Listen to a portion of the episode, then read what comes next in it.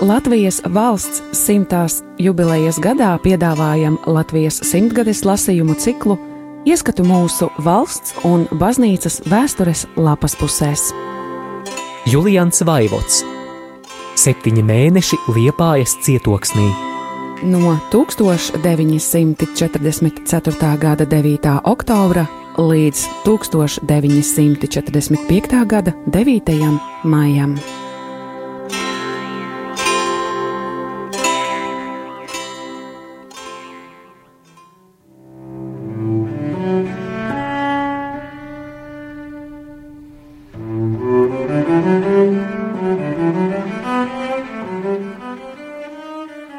1945. gada 22. martā. Jauna slota tīris lauka, tā teica sakām vārds. Arī liepājā manāms, ka sākusies jauna valdīšana. Jau 19. martā, ejot mājās no svinīgās sanāksmes, katru vairāk kārt aizturēja uz ielas dokumentu pārbaudēji. Šī pārbaude pastiprinātā kārtā tiek izdarīta kā uz ielām, tā arī mājās. Tādā pašā nolūkā aizvakar manā dzīvoklī ieradās seši žandarmi, un to viņi dara pa visu pilsētu. Sevišķi kļūmīgs stāvoklis tiem, kuriem pases pēdējā pagarināšanā par derīgām atzītas tikai līdz marta vidum. Žandarmi tos dzen uz iecirkni, bet tur pasi liedzas pagarināt. Lai gaidot, kad visiem atkal pases tikšot pagarinātas, Kāda dāma sūdzējās, ka viņa ejot no darba apcietināta un noturēta policijā piecas stundas. Beigās izlaista bez kādas atzīmes dokumentos, lai varbūt uz nākošā stūra atkal tiktu aizturēta un aizvesta atpakaļ uz policiju. Jo, izējot uz ielas, jābūt sagatavotam, ka savas desmit reizes būs jāuzrāda dokumenti.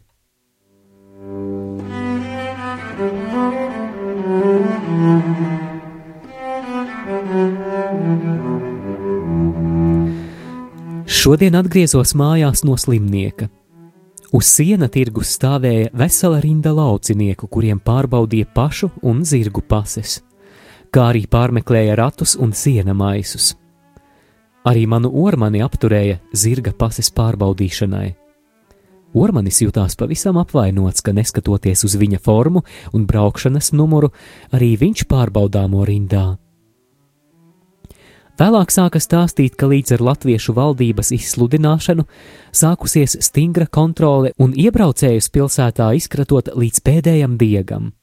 Nedomāju, ka tas ir latviešu nopelns, bet tā sakas būs pilsētniekiem ļoti sāpīgas, jo nebūs iespējams nekā no laukiem ievest.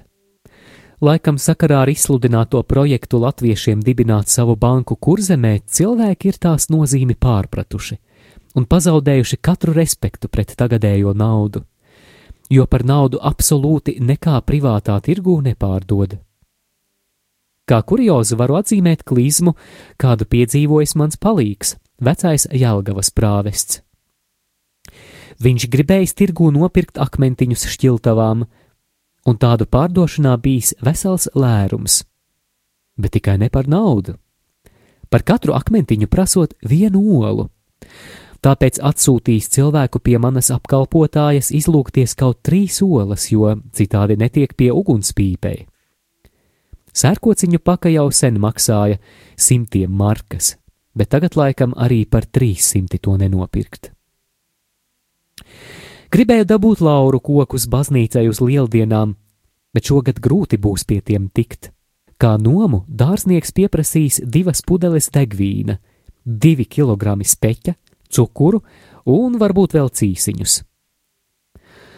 Lauru koku atvešana un atpakaļ nogādāšana var maksāt atkal tādu pašu kvantumu, tikpat noderīgu mantu un kur lai tās ņem.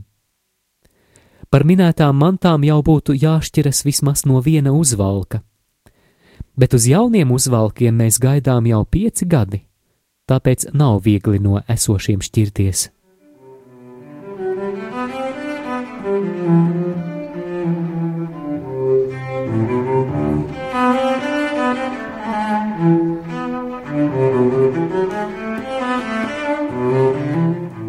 Šo dienu stājas spēkā jauni ierobežojumi elektrības patēriņā.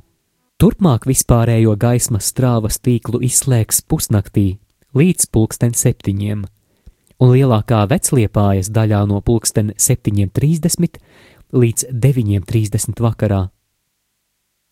Pusaustoņos iet gulēt vēl par agru, bet sēdēt pa tumsu divas stundas par garlaicīgu. Visas minētās grūtības tomēr atsver tas labums, ka ar 20. martu, vismaz pagaidām, izbeidzās pilsētas apšaudīšana ar lidojošām granātām. 19. marta vakarā bija dzirdēta stipra artērijas darbība, un cilvēki stāsta, ka vācieši esot sašāvuši lielgabalus vai kādus tur aparātus, no kuriem liepāja apšaudīta.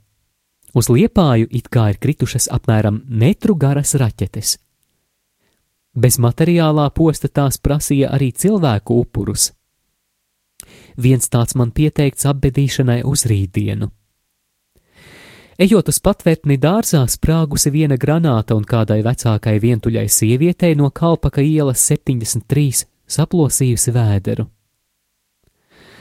Mēs, liepainieki, pa apšaudīšanas laiku mācījāmies saprast londoniešu pārdzīvojumus no vācu V1 un V2. Vakar par radio ziņoja, ka kaut ko līdzīgu Japāņi sākuši šaut uz Amerikas vidus apgabaliem. Lai mācās pazīt, kas ir karš, kuru viņi nes citiem, varbūt drīzāk apniks pašiem karot.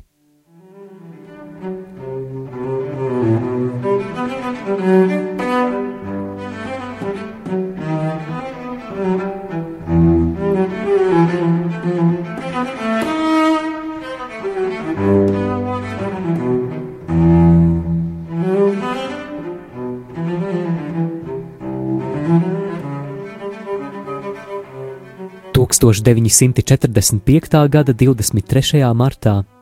Vakar kā patīkamu parādību atzīmēja to apstākli, ka vismaz pagaidām apstājusies liepājas apšaudīšana no tālšāvējiem. Bet mans pagaidām iznāca gaužām īss. Nepagāja pilnas divas stundas no šo vārdu uzrakstīšanas, kā sākās vecā vēsture no jauna, tikai citā vietā.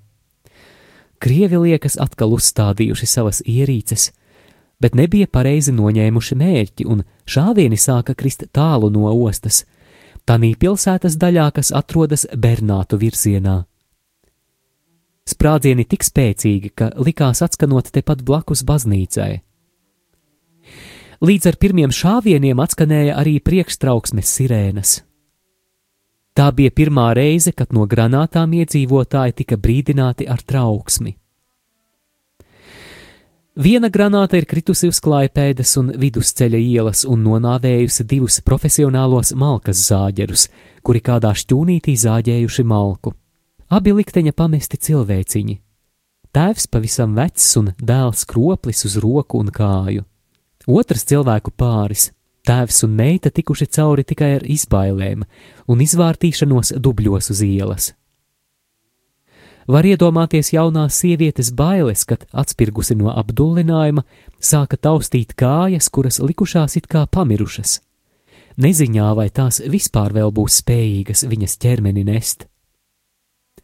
Te no priekiem vēlāk kājas vai bučo kā zaķim pēc izbēgšanas no suņa vajātāja. Toties uz jūras viens zvejnieks nonāvēts un otrs ievainots.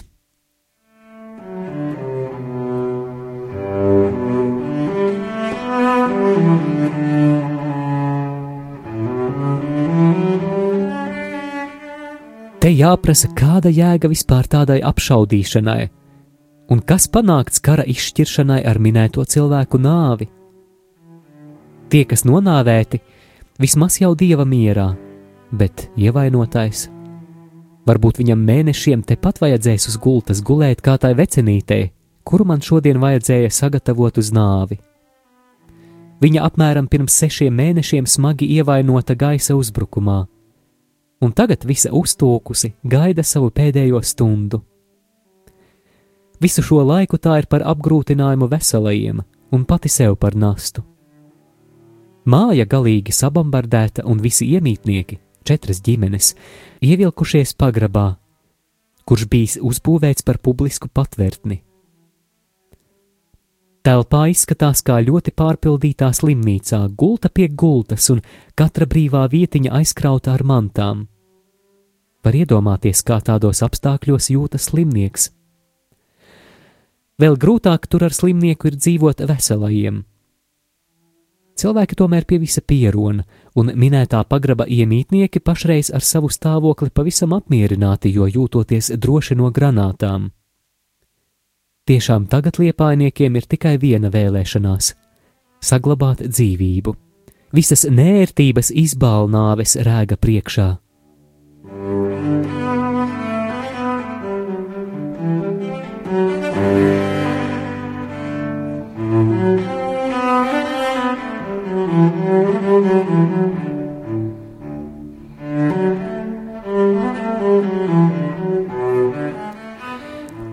lielā dzinieka piemiņas vietām Liepājā šī karā nav veicies. Raņa parks izskatās pēc īstas kara nometnes. Tur stāv dažādi kara vezumi un mašīnas, sabūvēti bunkuri un dažādas būdas. Stipri cietuši arī koki. Vēl ļaunāk ir gājis Raņa ielai. Uz tās nav gandrīz nevienas veselas mājas.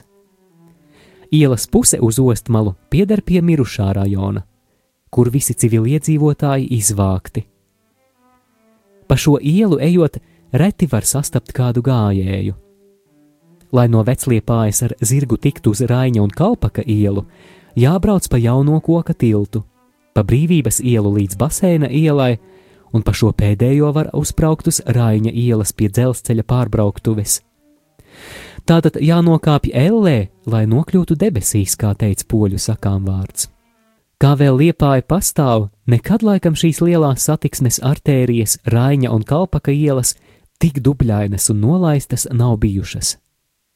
Tā vien liekas, ka vakaros un naktī tur kustība tikpat kā neiespējama. Tikai liepu rindas liecina par to, ka arī šeit kādreiz ir domāts par krāšņumu. Pašreiz šis rajons atstāja kāda izmiruša, no noasa laikiem netīra miestiņa iespaidu kuram pāri gājis briesmīgs viesulis un sagrāvis visu, kas graušanai padodas.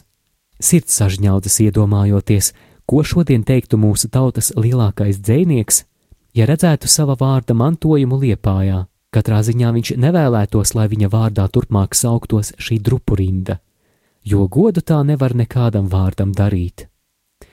Sik transit gloria mundi. Tā paiet pasaules godība.